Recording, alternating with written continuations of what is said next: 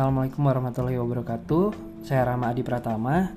Uh, kaitan dengan tugas uh, pembelajaran agenda 1 dengan membuat learning journal yaitu tentang pengalaman pembelajaran substansi dan proses harian baik secara sinkronus maupun asinkronus. Beberapa pengalaman yang pernah saya alami ketika melakukan pembelajaran uh, baik sinkronus maupun asinkronus ini memiliki kelebihan dan kekurangan.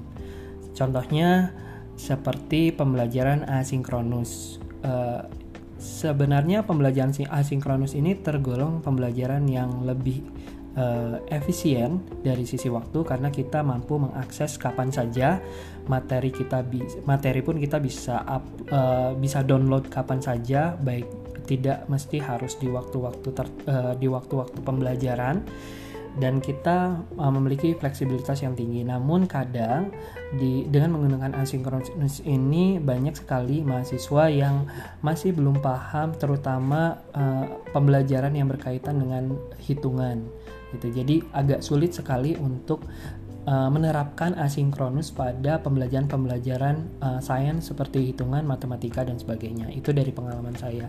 Kemudian uh, dan lebih cocok sebenarnya untuk mata kuliah tersebut untuk yang hitungan itu lebih cocok untuk yang sinkronus. Tapi untuk pembelajaran-pembelajaran uh, di luar hitungan uh, pembelajaran asinkronus juga masih terbilang efektif karena uh, akses materi bisa dilakukan kapan saja dan sumber materi pun bisa berasal dari mana saja. Itu barangkali yang bisa saya sampaikan kaitan dengan beberapa pengalaman tentang pembelajaran baik sinkronus maupun asinkronus.